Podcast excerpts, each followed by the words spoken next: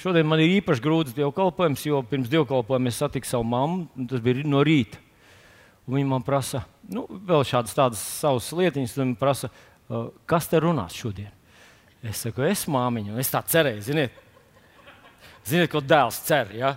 Viņš cer, ka mamma teiks, nu, paldies Dievam, ja. dēls.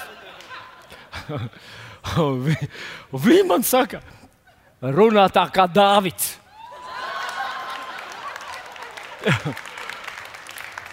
Nesakiet tikai to manai mammai, jo viņa droši vien nav priecīga, ka es to pateicu visiem. Un es aizgāju pie sevis un domāju, kā man justies iedrošinātam vai, vai zem spiediena. Runā tā kā Dāvids. No vienas puses, es domāju, vismaz viena lieta man ir izdevusies, un tas ir Dārvids. Bet, nu, ja godīgi, ja, piedodiet, ja, ja, ja par tēmu, tad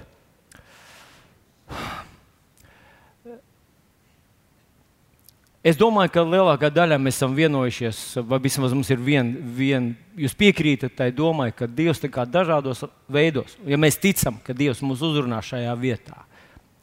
Jā. Uh, es atkal mazliet salīdzināšu. Jūs zināt, ka Maijas Briedis tikko uzvarēja tur tā savā tajā kautiņā. Jā, viņš piekāva to uh, kubieti.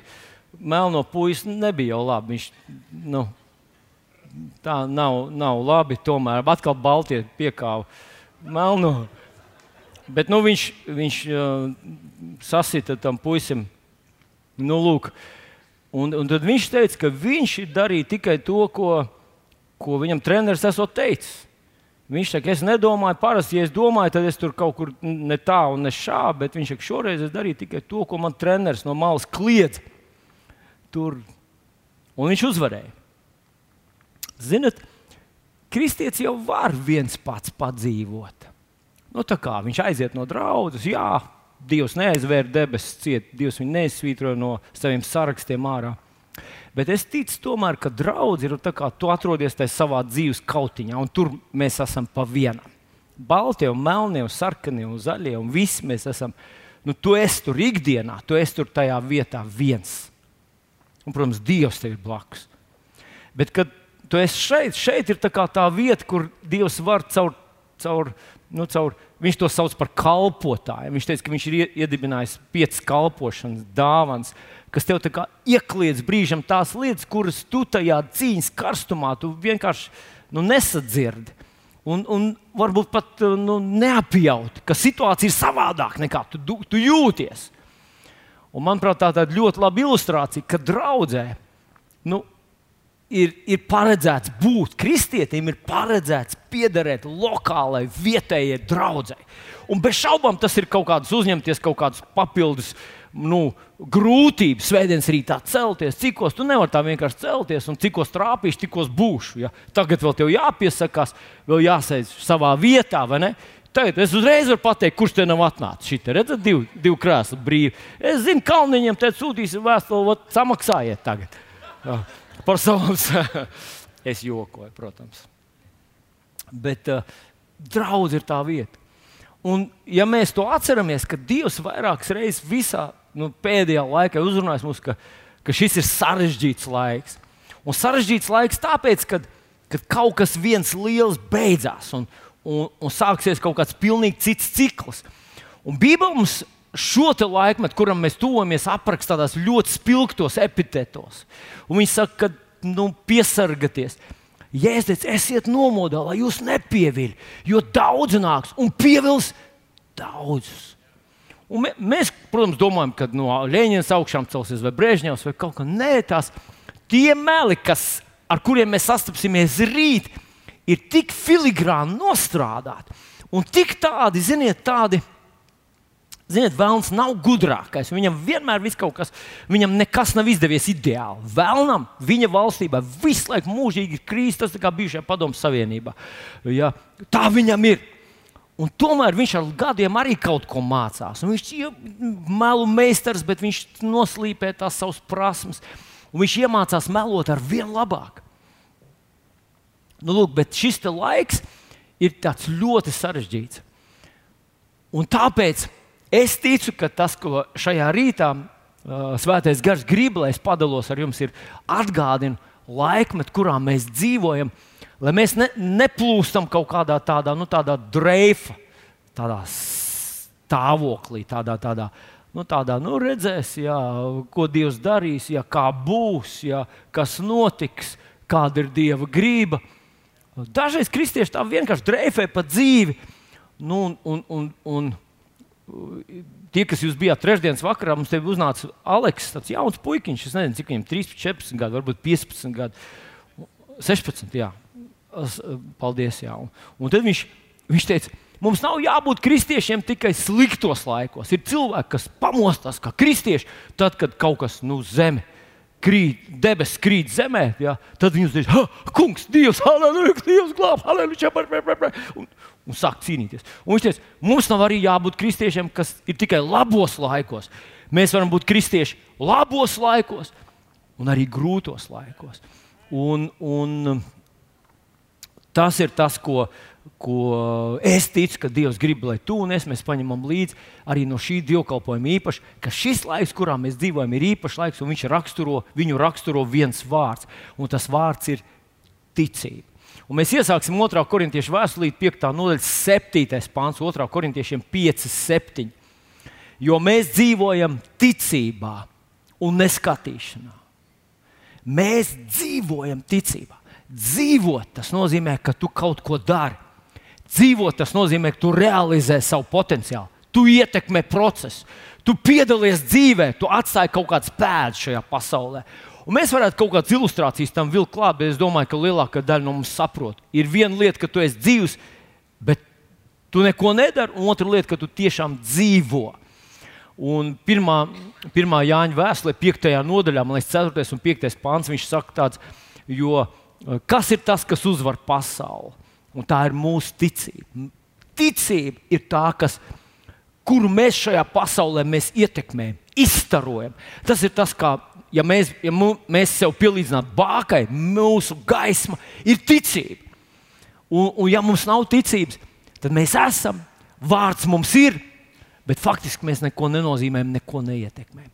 Jo mēs dzīvojam ticībā un neskatīšanā. Tā skatīšana ir mūsu piecas maņas. Tas piecas maņas mums nedod priekšstatu par garīgu laikmetu, par garīgu klimatu. Mūsu piecas maņas atbild par fiziskiem, uh, fiziskām lietām, bet garīgas maņas un Dieva vārds, Dieva vārds ir tas, kas mums dod signālus par garīgām lietām, kuras mēs nejūtam ar saviem fiziskiem sensoriem. Tātad mēs dzīvojam ticībā. Un gribu parādīt jums rakstvietiņu, kas ir no, no Galatiešu vēstures 3. nodaļas 23. līdz 25. pāns, kur Pāvils parāda to tādu dramatisko pārēju, ka bija viens laikmets, tagad ir cits. Un ko tad viņš te saka? Pirms nāca ticība, tātad ticība nebija vienmēr. Ir bijis cits laikmets. Viņš saka, mēs bijām turēti, ieslēgti bauslības važās. Tas ir konkrēti. Tam bija robeža. Mēs bijām tur ieslēgti. Mēs netikām no tā ārā. Mēs bijām bauslības važās. važās. Tā kā noziedznieks. Un tas, tas, ko bauslība ar mums izdarīja, bauslība pierādīja, ka mēs esam samaitāti, sabojāti, ka mūsu labākie nopelni, mūsu, kā pravietis raksta, mūsu visa mūsu taisnība, vismaz tas skrupulozā likuma paušu ievērošana ir kā sārņaina lupata, tā ir kā trauklupata. Tā nav nekas dišs, nav nekas īpašs. Visus, ko mēs bijām spie, spējīgi, ir nožēlojams. Tas ir tas, ko bauslība darīja. Tātad mēs bijām ieslēgti bauslības važās, līdz parādītos ticība, kurai bija jānāk. Tātad Dievs bija jau no sākuma ieplānojis, ka būs ticība, bet līdz tam mēs bijām ieslēgti bauslības važās.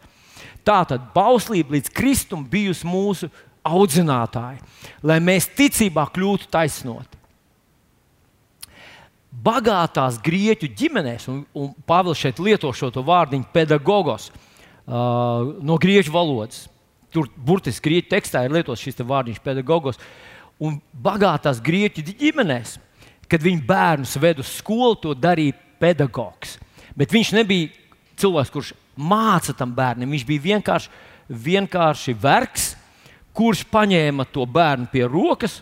Nu, es nepaņemšu tevi pie rokas. Jā paņēma to bērnu pie rokas un aizved līdz skolai. Un, un Pāvils mums saka, vai Svētais Gars mums saka, ka tā ir bauslība. Bauslība mums paņēma, viņa mums nemācīja, satvēra mūs tā, ka mēs gandrīz nevarējām pelpot, aizved mūs līdz skolai un ielaida mūsu skolā iekšā. Tas ir tas, ko viņš saka, ko izdarīja Paldies, Nik, ko izdarīja bauslība. Bet nu, tas laiks ir beidzies, un tad tas pēdējais teikums, bet nu, kad mēs esam iegājuši skolā, šim pedagogam, nu, mēs esam izveidojuši citā nozīmē tam vārdiņam, bet toreiz bija tāda, viņam vairs nav varas par mums. Bet tas ir tad, ja mēs esam iegājuši tajā skolā, esam iegājuši ticībā, tad bauslībai vairs nav varas par mums. Un tā īsumā tā bauslības būtība ir noziegums un sots. Visa vecā derība ir tāda. Jums bija jāizpild tas, tas, tas, tas, tas, tas, tas, tas. Neviens no jums to neizpildīja, un tāpēc ir maksimāls sots. Ja tu redzi, nu, ir cilvēki, kas saka, jā, tur bauši, jā, tur bauši, tikai tad Dievs tevi svētīs, tad Dievs tevi mīl, tad Dievs tevi uzlūkos. Nu, mēs par to esam runājuši daudz, un es šodien vairs negribu par to runāt, bet, bet pēc būtības. Ja tu sevi vērtē, ka Dievs tevi svētī pēc taviem svētuma, ticības un mīlestības rādītājiem, ja Dievs tevi atalgo pēc saviem nopelniem, vai tev, vai tev, jo tu atrodies vēl aizvien vecajā sistēmā, bauslības važās. Bet, ja tu esi pieņēmis Kristu ticībā, tad šīs bauslībā vairs nav varas pār tevi. Nu, tu dzīvo pavisam citā mērvienībā un citā laikmetā. Un tas saucās ticības laikmets. Pasaka līdz ar maniem ticības laikmets. Manuprāt, ļoti spilgti Jēzus mums atklāja šo stāstu, kā tas darbojas Marka evanģēlijā, 9. nodaļā. Un gribētu ar jums šodien tur paskatīties, Marka evanģēlijas 9. nodaļa. Un šeit sākas stāsts apmēram kaut kādā, kaut kādā 20. 20. pantā, varbūt druskuļi ātrāk. Tur sākās stāsts par kādu tēvu, kuram ir slims dēls, tā situācija ir ļoti smaga, un viņš ar savu dēlu ir atnācis pie Jēzus mācekļiem. Un viņš tos, to dēlu tagad atved pie mācekļiem un lūdz, lai viņi palīdz. Mācekļiem jau bija pieredze ar to, ka viņi palīdzēja. Viņi izdzina dēmonus, atcerieties, atnācies 70 un stāstīja, kungs, pat ļaunīgi gari mums padodas tavā vārdā. Halleluja! Nu, lūk, un mācekļi šim puisim palīdzēt nevarēja. Un tad visa šī kompānija, mācekļi, tas puiša tēvs un tas puisis, viņi atnāk pie Jēzus.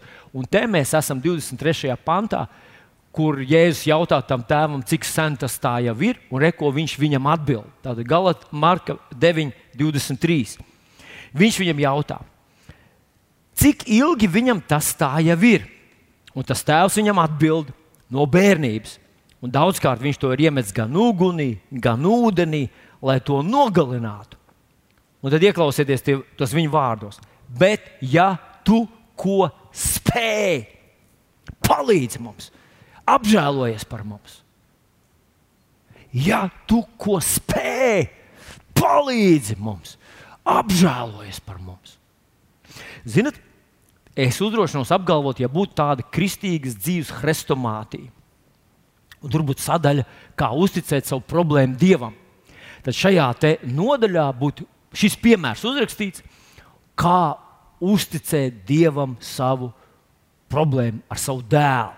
Atnākt pie Dieva un teikt viņam, ja tu vari palīdzēt, lūdzu, palīdzi.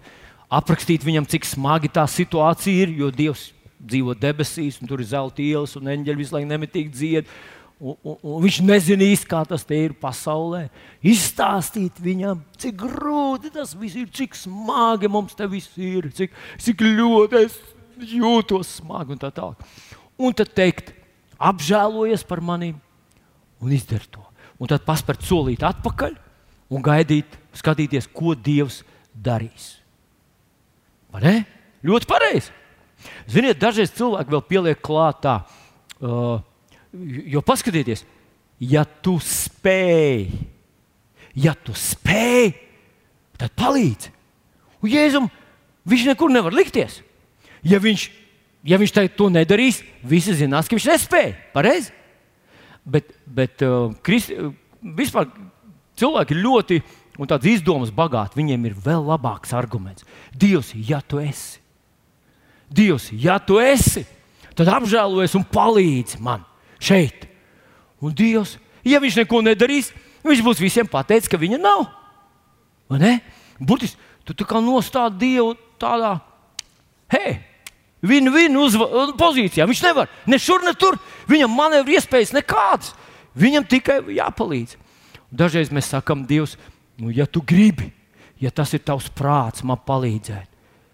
Apžēlojies un palīdz. Un tad vēl klāt nu, daudz asaras un daudz kā tu jūties, un cik ļoti tu esi noguris, un kā visi citi, ko visi domā par tevi, un kā vispār. Un, zinat, es, es to no bērnības atceros, esmu uzaugusi kristīgā ģimenē. Ja? Es esmu daudz izteicis tādas lūkšanas Dievam, ka tu izraudies ritīgi, un tev paliek vieglāk. Kurš zina, ka pēc raudāšanas ir vieglāk uzreiz? Ugh!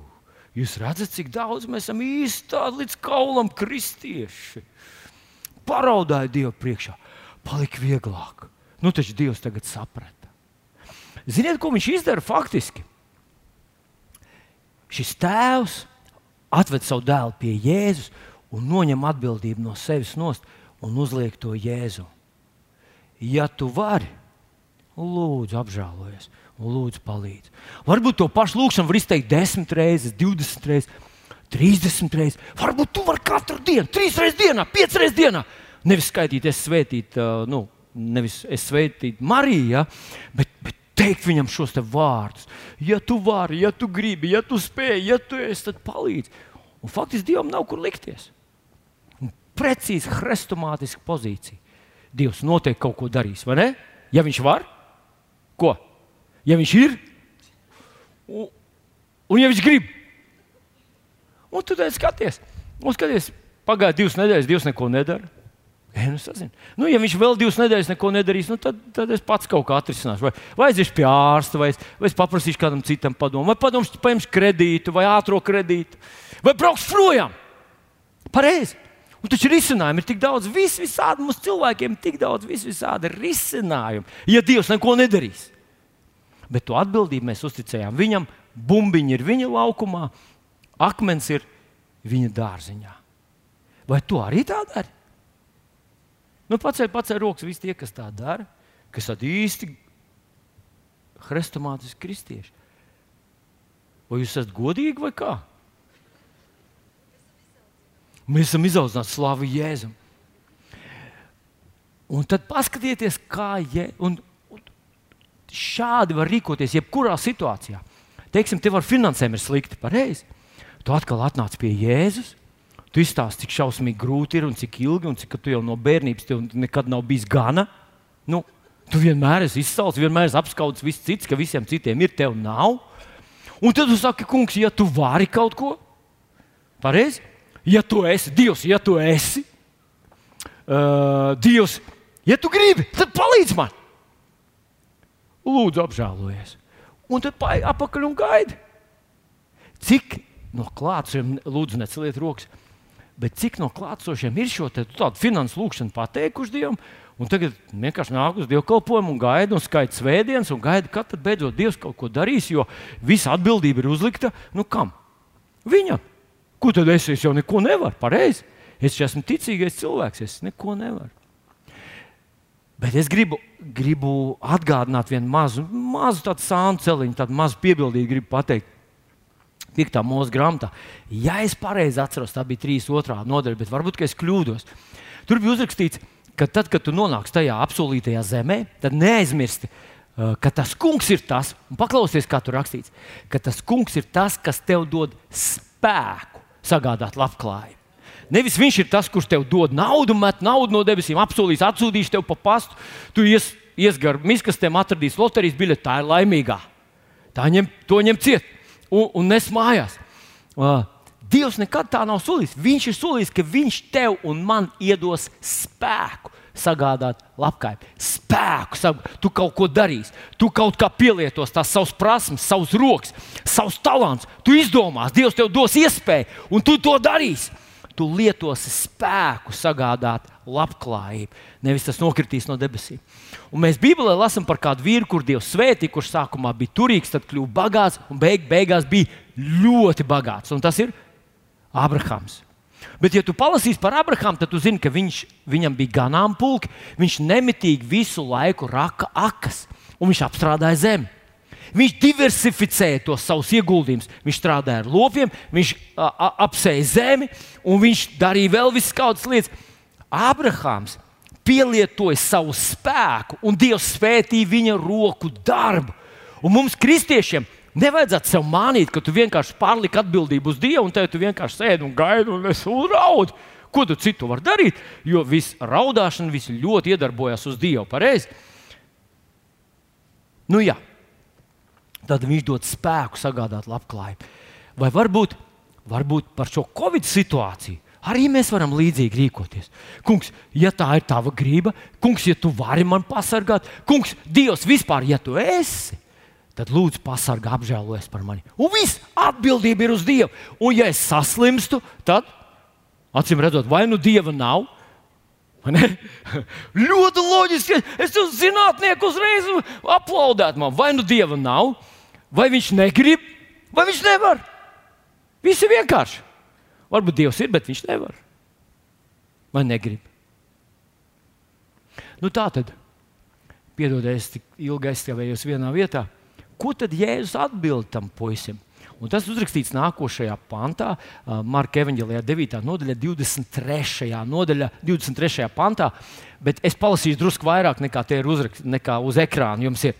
Tad es lasu Marka 9, 23.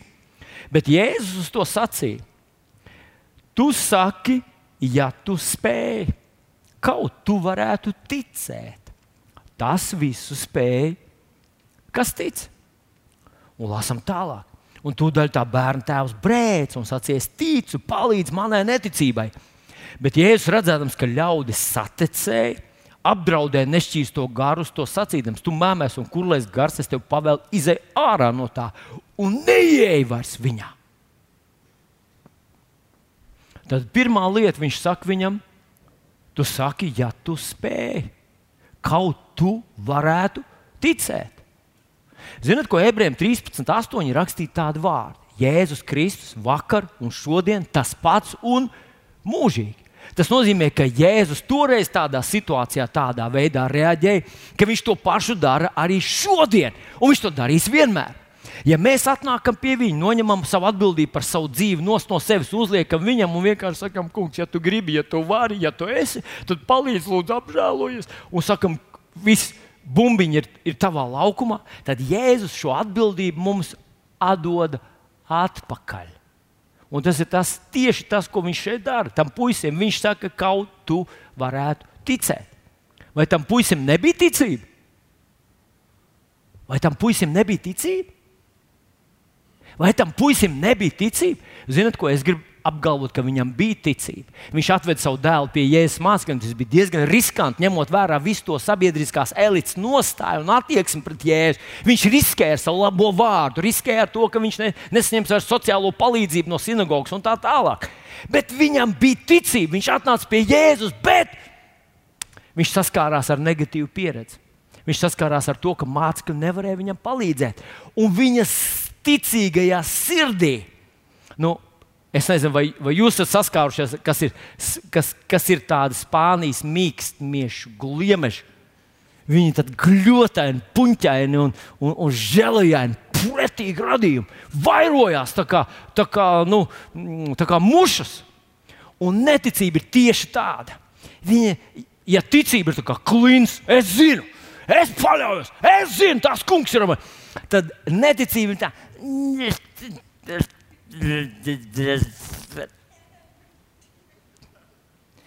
Visi tie mazās domiņas, visas tās blakus, visas tās sarežģītās. Tu pieskāries tam gliemezim, tu, var, tu nevari tā vienkārši nokratīt viņu. Tur rokas ir eļļas, lipīgas. Tev pats kā lai tiek no tā vaļā. Un es esmu pārliecināts, ka visi tie ticības vīri, par kuriem mēs lasām Bībelē, Un piemērs, viens no tiem ir Abrahams. Abrahams Dievs Abraham uzrunāja, saka, es gribu, lai tu man ej un upurē savu dēlu. Un ko Abrahams izdara? Nākošajā rītā. Nav rakstīts, ka viņš kaut ko pastāstīs savai sievai. Iedomājieties, Abrahams būtu ļāvis, lai tas, tas gliemes, un viņš stāsta sievai, zini, ko es rīt no rīta došos prom ar savu dēlu, un es viņu tur upurēšu Dievam. Sārē būtu mati gaisā. Tu, kur traks esi vecais, cik tev gadu, simts gadu, viss, rakstiet viņam no, demens kartiņu. Tu ko? Vai viņš būtu izdomājis, kā tas ir, ka viņš aizgāja tur, upurēja, un tas bērns nomira. Viss! Viss! Un viņš nāk mājās, un viņam teica, sievai būs jāstāsta. Viņš iztēlojās to ainu, kā viņš stāsta, kur viņš aizveda savu dēlu, un ko viņš tur ar viņu darīja, un kā tas viss notika. Da viņš nekad dzīvē nebūtu aizgājis nekur. Jo viņš būtu ļāvis, lai tās. Tev ir pazīstamas tās domas. Ko? Es domāju, ka Latvijā mums, es nezinu, kāpēc viņi nosauc tos par Spānijas mīkstnieku uh, gliemežiem. Man liekas, ka tas ir ļoti raksturīgs. Viņi beidzot atrada savu dzimteni, no kurienes viņi ir cēlušies. Un es ticu, ka Dievs mūs no tā grib atbrīvot. Tāpēc viņš saka, ka šis ir ticības laikmets. Ticība ir tā kā nu, vienvirziena cilvēks. Vienvirziena cilvēks. Un man, man ļoti patika. Man ļoti patika viena intervija, kur es klausījos ar Arnoldu Schwarzeneggeru. Jūs zināt, viņš savā laikā bija tas pasaules mis, mm, ne misnē, bet uh, Misters, uh, Misters Universe. Jā. Un tad viņš stāsta, kā viņš tur gāja ilgāku ceļu uz to. Un tad viņš saka, tā, es savā dzīvē man ir viens princips, un tas princips ir tāds: man ir viens scenārijs. Un es esmu sapratis, ka tikko tev ir divi scenāriji, tikko tev ir plāns B, tā tu esi paņēmis nost enerģiju no plāna A. Un viņš teica, man bija viens plāns, es būšu Misters Universe. Un viņš teica, ar katru to mm, štangas spiedienu, ar katru hamstras cilvēku, ar katru to um, kokteļu tonu, ko es izdzēru. Es zināju, kur es eju. Ziniet, ko? To varētu nosaukt par tādu stipru cilvēcisku ticību. Un man patīk tas puisis, tas šis tēvs, par kuru mēs lasām, ka Jēzus viņam saka, kaut tu varētu ticēt. Un viņš nemet nedēļas, nestaigā, tur nesēž depresijā, neizdomāja visus tos scenārijus, sliktos, kā viņš dēlīs. Un kas notiks, kad viņš nomirs un pats puisis paliks viens un viss vai tieni? Viņš momentāli apmetās riņķi, izmet ārā to lipīgo, glumaino, siekalaino. Mm, kāds vēl viņš bija? Ko? Staipīgo gliemas ārā! Un tas es ticu! Mēs vismaz redzam, ka viņš sāk līdzināties tai, tai, tai ticības sievietei, par kuru mēs pēc mirklīša runāsim. Bet man radās doma tur vēl. Mēs lasām, ka Jēzus, mēs tikko izlasījām, ka Jēzus skatījās, ka cilvēks sanāk. Un kādiem es esmu dzirdējis, tad mācītāji, kurš sludināja, Jā, Jēzus tas uh, speciāli viņš tā gaida, kad cilvēks sanāk, re, kur nāk cilvēki. Ha? Aha, vēl nav vērts dziedināt, pagaidi, pagaidi, tūlīt sanāks cilvēku bars. Un tad es dziedināšu, lai visi redz, visi stāsta viens otram, Jēzus dziedina. Un visi viņi čuk, čuk, čuk filmē, fotografē, uh, selfijas taisa. Un, un hashtags būs Jēzus dziedināja zēnu. Bet zinat ko, ja jūs uzmanīgi palasīsiet šo raksturvietiņu, jūs konstatēsiet, ka Jēzus cenšas izbēgt no tā pūļa. Jo viņš ir saskāries ar to pūli. Dažas nodaļas ātrāk, Marka evanģēlijā, 5. nodaļā, viņš ir uh, jāira mājās. Un kad viņš atnāk ar jāiru, kuram viņš ceļā teica, jā, es teicu, tur ir slikti, teica, ka tā meitiņa ir mirusi. Ko Jēzus viņam saka? Ko? Nē, neraud, man žēl, tev, nu, iesim skatīties. Neko tam līdzīgu. Ko Jēzus viņam saka? Tici tikai, un viņi tiks glābti. Tici tikai. Esmu drošs, ka šajā rītā Jēzus, kurš ir vakar, šodien tas pats un mūžīgi, saka tev, ko tad? Tici tikai, Nika, tici tikai. Ko tu, ko tu, ko, ko, Nevajag tur tos gliemešus, tos man te ārā. Tici tikai, Nik, un viņi tiks glābti. Dievs tev palīdzēs. Nu, un kad viņš aiziet tur, tajā jā, ir māja, kas tur ir, tur ir pūlis, un tā vietā, lai to jēzus šokētu, to pūli, viņš to pūli ko dara ar viņiem. Viņš dzēna ārā, un tur rakstīts, ko viņš zina ārā - vaidētājs un raudātājs. Uh, es nezinu, vai tu vai tev ir paziņu lokā kāds cilvēks, kurš visur saredz uzreiz vissliktāko. Ja tu ieklapojies, viņš uzreiz Covid-19. Tu saki, man ir iesas, viņš un man te ar tevi ir kontakts ārprātā, es esmu bez maskas vai tieni. Covid-19.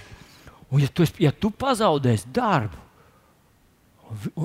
nesaki tam cilvēkam, Viņš tev uzreiz sadabūs, kad kontakti īrijā, kaut kur uz Anglijā, kur, kur tu brauc lasīt sēnes, vai zemes, vai gliemešus, vai, vai kaut ko vēl. Bet šeit tu darbu nedabūsi ar tavu fizionomiju, ar taviem gadiem, ar tavu pieredzi. Un tā tālāk, tavā profesijā, bezcerīgi. Šos dzēn ārā. Kā tu domā? vai viņš tev nepalūgtu iziet mājas grupā, ja viņš gribētu kādu dziedināt?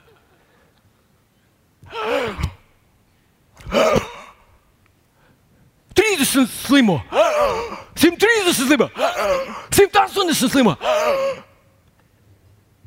Pamēģini tā. Ļoti noderēs, ja tu gribi, lai jēzus tev izdzen ārā. Un es augstu. Tur zvanīja, ka viņam incidents uz ielas. Jēzus vārdā. Un tad man, man radās tā doma, kā izskatītos tas tēvs, kurš tic. Piemēram, tu par saviem bērniem. Tu atnāc pie Jēzus, un tā vietā, lai teiktu, kungs, ja tu esi, ja tu vari, ja tu gribi, tu teiktu, kā tu teiktu, ja tu būtu ticības tēvs? Kā? Un man nāk prātā tā asinsardzīgā sieva, kurai bija 12 gadus slimoja hemofīlija, asiņoša. Viņai, nu, es, es tā domāju, tur nav uzrakstīts tās diagnozes, bet tas nozīmē, viņa, viņa nepārtraukti asiņoja. Viņai tikko viņa kaut kur iegriezās, tas bija dzīvībai bīstami vispār. 12 gadus viņa slimoja ar asiņošanu. Tā slimība bija nopietna, tā situācija bija drūma, bet viņai bija, ziniet, kas? Viņai bija kas saucās ticība. Viņa teica, man viņam pat nav jāapstādina. Pat man nevajag, lai viņš nosauc manu vārdu. Man nevajag, lai viņš uz maniem paskatās. Man vajag tikai pieskarties viņam. Fuh. Jēzus ir tik liels viņas acīs, ka viņas drūmo situāciju viņa atrisinās tikai neuzkrītoši no muguras, pieskaroties viņa drēbi vīlējī. Tas taču ir Jēzus! Halleluja! Un zinot ko? Viena no lietām, ko Jēzus, ko Svētais Gars darīs mūsu dzīvē, viņš pagodinās Kristu. Pagodinās Kristu. Un tas nozīmē, ja tavā, ja tavā teoloģijā Jēzus ir tāds mazs teorijas bērniņš, kuru vajag paņemt, viņš ir nosaucis viens pats, tad Svētais Gars nav viņam iespējas tev runāt. Bet, ja tavā teoloģijā Jēzus ir kungu kungs un ķēniņš, ķēniņš, Dievs, Dievs, ja viņš tav bezgalīgi drūmo finansiālo situāciju, vai dzīves situāciju, vai veselības situāciju, vai sadzīves situāciju, vai tavu vecumu situāciju, vai tavu iedzimtības situāciju, tad vienalga, kas tā arī nebūtu par situāciju, Jēzus ar vienu savu pirksta pakustinājumu pū, to atrisinās. Tad svētais gars viņam ir iespēja uzrunāt tevi Jēzus vārdā. Aleluja! Ai, ai, ai, ai, ai. Halleluja! Un tad es iedomājos pie sevis, kā izskatās tas pūlis, kur jēzus nevis dēļ ārā, bet viņš saka, lūdzu, panāciet šurp. Es atceros, ka viņš gāja pie Jāiras meitiņas, tad viņš ņēma līdzi Pēteru, Jānu un Jākam. Viņš ņēma iekšā šos apustus. Nākat puiši līdzi, jo jūs saprotat, kā darbojas ticība.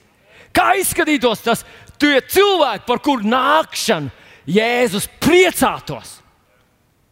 Kā viņi izskatītos?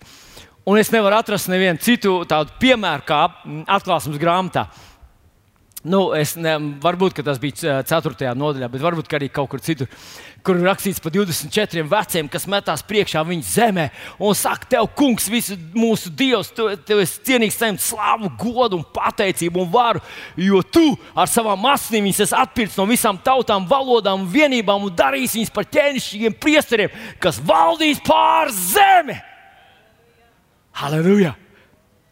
Mēs, citiem vārdiem, tas pūlis, domā, ka Jēzus var mūs no mazām kristīgām sarkangalvītēm, kuras slēpjas no ļaunā, niknā, nejaukā vilka, padarīt mūs par ķēnišķīgiem priesteriem, kas valda šajā situācijā. Halleluja! Vai tu esi no tiem, kas saskati, ka Jēzus ir gana glābis tevi? Gana glābis tavs brālis un māsas, ka viņa autoritāte un pilnvars ir gana lielas un gana nozīmīgas, lai tu valdītu pār situāciju. Nostātos, kā Jēkabs saka, nostātos pretī vēlnam, un viņš bēgtu no tevis. Vai tu esi tāds? Vai tu esi tāds? Ja tu šodien vēl tāds nēsi, ja tu esi no tiem cilvēkiem, kas tā pirmā reakcija ir bailes un sliktas priekšnojautas. Tad tev nav jāizmet pusgada līkums pa pasauli kaut kur. Tev nav jāmeklē depresijā atbildi. Tev nav jālasa avīzes un internets. Tu vari šodien pat uzreiz kļūt par ticīgu un teikt, es ticu Jēzum Kristum, kā Dieva dēlam. Es ticu, ka arī mana, man piešķirtās pilnvaras nozīmē kaut ko Jēzus vārdā tu to vari darīt šodien. Aleluja! Aleluja! Mīļie draugi, tā tad tas visu spēj, kurš tic, Jēzus šo atbildību noņēma no sevis un uzlika tam tēvam atpakaļ. Un šajā rītā viņš uzliek tev atpakaļ atbildību par tavu dzīvi. Jo tu un es Mēs nedzīvojam vairs bauslības važu laikā, mēs dzīvojam ticības laikā. Kad un es varam lietot savu ticību.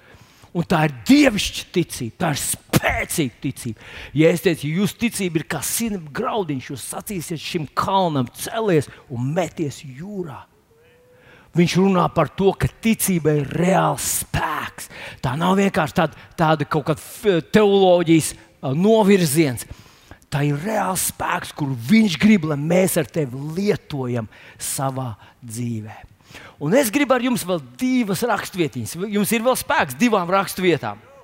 Divas raksturvietas paskatīties, un viena ir Romas vēstulīte, 5. nodaļa. Ļoti, ļoti spēcīga raksturvieta no 1 līdz, ja nemaldos, līdz 5. Bet varbūt mēģināsim saīsināt, ka nevis 5 pants, bet, bet uh, paskatīsimies, uh, ko viņš tur saka. Romiešu vēstulīt 1 līdz 5. Un viņš tur saka tā, tad nu mums ticībā taisnotiem ir miers ar Dievu. Mums ticībā taisnotiem ir miers. Miers ar Dievu ir augstākā miera forma. Tu, ja tu esi pieņēmis Jēzu Kristu par savu kungu un glābēju, es izkāpu ārā no bauslības sistēmas un pieņēmis Jēzu Kristu par savu kungu, tev ir miers. Saki, miers! Interesanti, ka romieši, piedodiet, Jāņa evanģēlijā 14. nodaļā, 27. pantā Jēzus saka tādus vārdus. Paklausieties, Jāņa 14, 27. Piedodiet, es nocitēšu to no galvas. Jums man jāuzticas vai jāpārbauda savā Bībelē. Mieru es jums atstāju savu mieru es jums dodu. Savu mieru. Es, ziniet, tas kā pērkona dārdiens skan manā dvēselē. Savu mieru es jums dodu. Un mēs zinām, ja es biju vētrā, viņš nepazaudēja mieru. Viņa pūlis gribēja viņu nogāzt no klints, viņš nepazaudēja mieru. Viņš atradās naidīgs, viņš tika vests uz krustu. Un viņš nepazaudēja mieru. Viņš uzrunāja sievas, viņš teica, lūdziet par sevi, man viss būs labi. Un es gribu teikt, draugi, mēs ar tevi esam, pateicoties kungam, Jēzum Kristum, esam ieguvuši šo mieru. Mēs nezinām, kas notiks rītā ar covid. Mēs nezinām, kas notiks rītā ar pasauli. Bet mēs zinām vienu, ka tavā un manā sirdī būs miers. Jēzus mums dāvināja savu mieru. Amen! Oh, cik šķidri aplausi! Cik tiešām tas, cik tiešām, cik tiešām patīkami. Mēs lasām tālāk. Tad mums ticībā taisnotiem ir miers ar Dievu caur mūsu kungu Jēzu Kristu. Ar viņa gādību mēs, kas ticam, esam iegājuši tajā žēlastībā, kura arī stāvam. Mēs nevis iegājām tur un izgājām atkal ārā. Dažreiz mums ir tāds sajūta, ka vakar es jutos ļoti labi. Par maniem lūdzu, un aizlūdzu, saņēmu vārdu un visu. Ha, aleluja! Aleluja!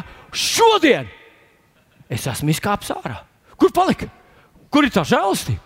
Viņš saka, mēs tajā arī stāvam. Stāvam kā? Redziet, mēs, kas ticam, esam iegājuši. Mēs, kas ticam, ticība ir kaut kas, ko tu praktizē visu laiku, tāpat kā elpošana. Paldies, tev, kungs! Paldies, tev, ka tu esi mans, man taisnība, tu esi mana drošība, tu esi mans manas autoritāte. Tu esi mans glābējs, Jēzus, es uzticos tev. Tu paliec tajā žēlastībā. Un paklausieties, Jēzus grāmatā 54. nodaļa, 10. pāns. Paklausieties, kā viņš skan jaunajā tulkojumā. Gan kalni atkāpsies, gan pakalni sakustēsies, bet man žēlastība no tevis neatkāpsies, un mana miera derība nešķobīsies. Viņš, saka, viņš būtībā saka, ka viss šī pasaule ies šrejā, bet zini, ko tu vari? Tu paliksi tajā žēlastībā, ko Kristus tev ir sagādājis. Tu paliec tajā, labi? Es tev lūdzu, paliec, tev izaicinu, paliec tajā. Nemētājies tur papakaļ. Tu esi iegājis tajā, Jēzus to priekš tevis ir sagādājis un paliec tajā cerībā iemantot dievišķo godību. Protams, viņš runā par, par augšām celšanās laiku, kad mēs ieraudzīsim Jēzu, kāds viņš ir, un mēs kļūsim viņam līdzīgi. Mūsu labākās dienas, brāļi, māsas, mā, jaunieši manā vecumā, ir mūsu priekšā. Jaunieši, tie, kas ir drusku jaunāki par mums ar tevi, domā, ka labākās dienas būs tad, kad viņi apprecēsies. Sāksies debesis! Daļa domā, tad, kad viņi nopirks jaunu mašīnu, sāksies debesis. Kad viņi nopirks māju, būs debesis. Bet mēs, kas esam drusku vecāki, jau zinām, ka nē, debesis nav šeit virs zemes. Ne mājā, ne mašīnā, ne, ne jaunā spinningā, ne jaunā telefonā, ne jaunā gadgetā, nekur. Vai ne? Mēs zinām, mūsu labākās dienas mums vēl ir priekšā. Tas, ko Pāvils saka, Bet, zinot, viņš pie tā neapstājas. Un es gribu, lai jūs palasat līdzi ar maniem drusku tālāk. Bet nevien par to mēs teicam sevi laimīgus. Tātad par to, ka esam, mums ir miers ar Dievu un esam Kristus žēlas, caur Kristu esam žēlastībā iegājuši un stāvam cerībā iemantot devišķo godību. Bet viņš saka, mēs pat teicam sevi laimīgus arī savās ciešanās. Viņš, redziet, Pāvils Varbūt tev un man līdz tam vēl pietrūkst. Bet Pāvils gāja savā dzīvē daudzām ļoti grūtām situācijām cauri. Un tajās ļoti grūtajās situācijās viņš redzēja sevi kā laimīgu, redzēja sevi kā svētītu, redzēja sevi kā cilvēku, kura labākās dienas ir viņa priekšā. Un viņš, tie bija viņa vārdi, ka šī laikmeta ciešanas ir nenozīmīgas salīdzinājumā ar to godību, ko tas atnesīs man pēc tam. Es zinu, jaunieši varbūt tādu to sev aiz, aizskrēja garām. Viņi apstājas pie tiem pantiem. Tas kungs, labi, lab, apstāsimies šajā vietā. Mums ir vislabākie, gudrākie jaunieši. Jā. Pāvils saka, pat arī tad, kad ir grūti, kad ir ļoti grūti, kad es neredzu Dieva darbu, neredzu viņa spēku, neredzu viņa palīdzību es sevi redzu par svētītu un laimīgu. Es sevi redzu laimīgu, jo man ir miers ar Dievu. Esmu iegājis žēlastībā, kurā stāv cerībā iemantot dievišķo godību. Halleluja! Mīļie brāļi un māsas, mīļie draugi! Es šajā rītā es gribētu, lai tu un es, lai mēs arī uzticamies šim Kristus nopelnam un ieraugam sevi. Ne vienkārši kā cilvēks, kas vienkārši iet kā visi citi, staigājam pa šo pasauli. Jā, negribas likt maskas, bet jāuzliek. Jā, lai dieniņa, es arī baidos tāpat kā visi. Nē! Mēs varam būt cilvēki, kā asinsērdzīgā sieva, kas lieto savu ticību un saka, kopš Jēzus ir ienācis manā dzīvē, kopš man ir miers ar Dievu, kopš es esmu iegājis tajā žēlastībā, kurā es esmu arī palicis. Es esmu laimīgs cilvēks, es nebaidos. Viens pieskāriens viņa drēbi vīlē atrisina visdrūmākās problēmas. Paklausies, es tevi izaicinu redzēt tevi, sevi Kristus gaismā, laimīgu. Pateikties viņam par laimi, pateikties viņam par viņa vārdu, Jēzus vārdā, un izbaudīt to, paņemt to savā dzīvē. Ko tu saki par tādu piedāvājumu? Vilni, ko tu gribi, lai mēs darām? Es gribētu, ka mēs visi lietot ticību. Es gribētu, ka mēs, kā Līga jau iesākumā teica, ka mēs pirmdienas rītā, un man, man ar rītiem ir īpašs, īpašs attiecības, jo es tiešām ticu, ka katru rītu Dieva žēlastība ir jauna. Es tiešām ticu, ka Dievs dara savu darbu arī tad, kad mēs to neredzam un nejūtam, bet mēs paliekam ticībā. Un manā dzīvē tādu periodu ir bijuši diezgan daudz. Man šķiet, ir tāds, um, tāda viena, uh, vai, vai tu vari man uz mirkli atslēgt, man maz reklāmas pauzīt.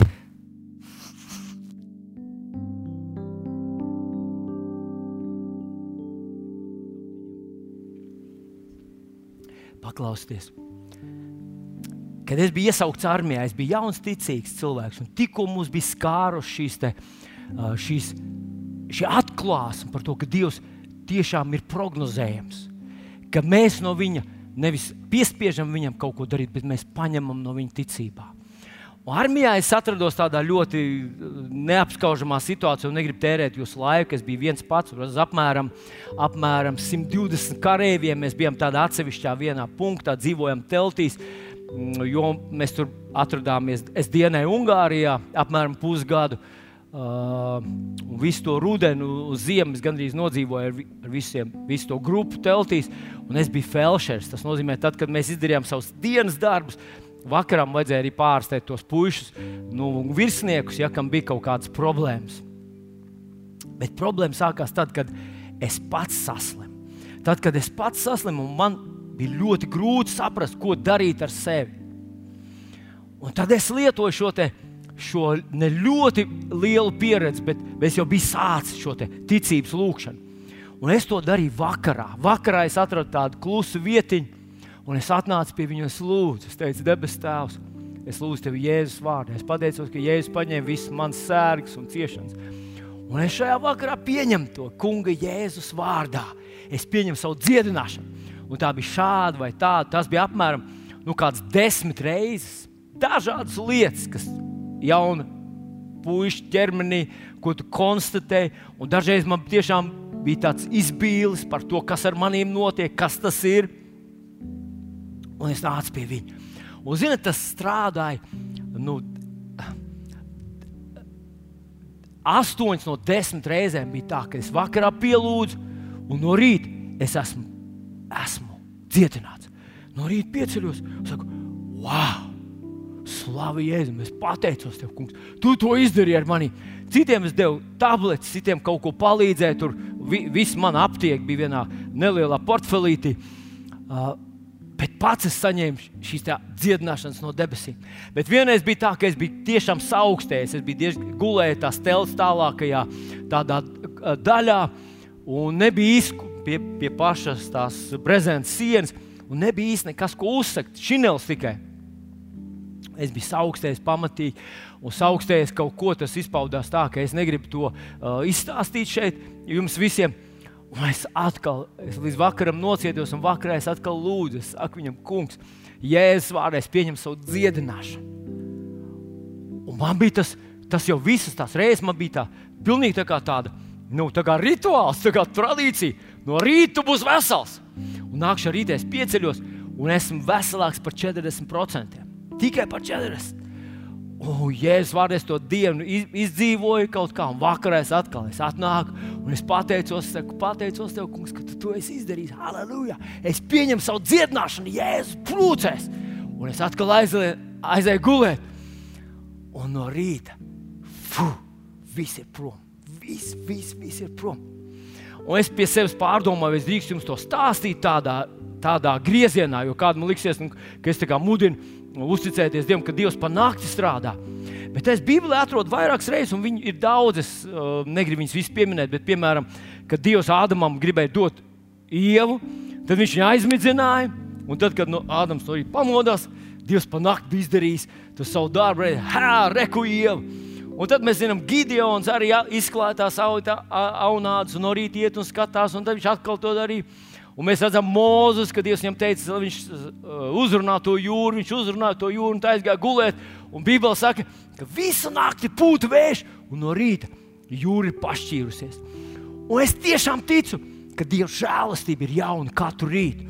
Un es gribu, lai tu rīt no rīta, rīt, nu, iesāc jau tagad, bet rīt no rīta Tu saki, kungs, paldies tev, ka tu esi ar mani, ka man ir miers ar tevi, ka es esmu tajā žēlastībā, kurā es stāvu. Un es pateicos, ka es varu valdīt par šo zemi. Es lietoju tavu vārdu, es pateicos tev, ka es esmu svētība. Es stāvu Covid-19, es nāku.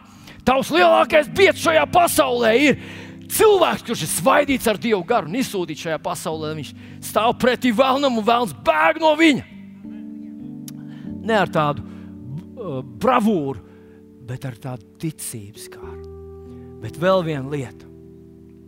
Un tas nav izdarāms tik vienkārši, bet man gribas atgādināt jums rakstvietnību, ko Dievs mums iedeva šajā, šajā vasarā. Man šķiet, varbūt tas bija agrāk, es vairs neatceros, kad tas bija man, jo, zinot, man laika izjūta. Un tā ir Jēzus 60. Cēlies, top apgaismots, jo tava gaisma nāk, tā kunga godība uzlēc par, tie, par tevi. Tik tiešām tumsība, paklausies, tumsība apklāja tautas bet pār tevi uzlēs kā saules kungs, viņa godība parādās pār tevi. Es ļoti tevi lūgtu, brāl un māsa, lai tu paņem šo pantu, izdrukāt tev pieejamā formātā, iemācies no galvas šo rakstu vietiņu. Un ļauj, lai šī raksturvieta uzzīmē tavu ikdienu, tavu perspektīvu, tavu rītdienu, kā tas būs kā tas darbojas. Lai tu vari pateikt, lai tev naktas vidū var uzpurināt, uzmodināt, teikt, Covid! Un tu saki, varbūt tautās ir Covid, bet pār mani, kā saule, uzlasas kungs. Es gribētu, lai tas tev ir tik stipri, ka tu zini, ka tā ir tava nākotne. Kas arī nenotika pasaulē. Tu celies, tas nozīmē, tu lieto savu ticību, un tas kungs atbild tev apgaismot. Apgaismot tu paplašinies, tu ietekmē.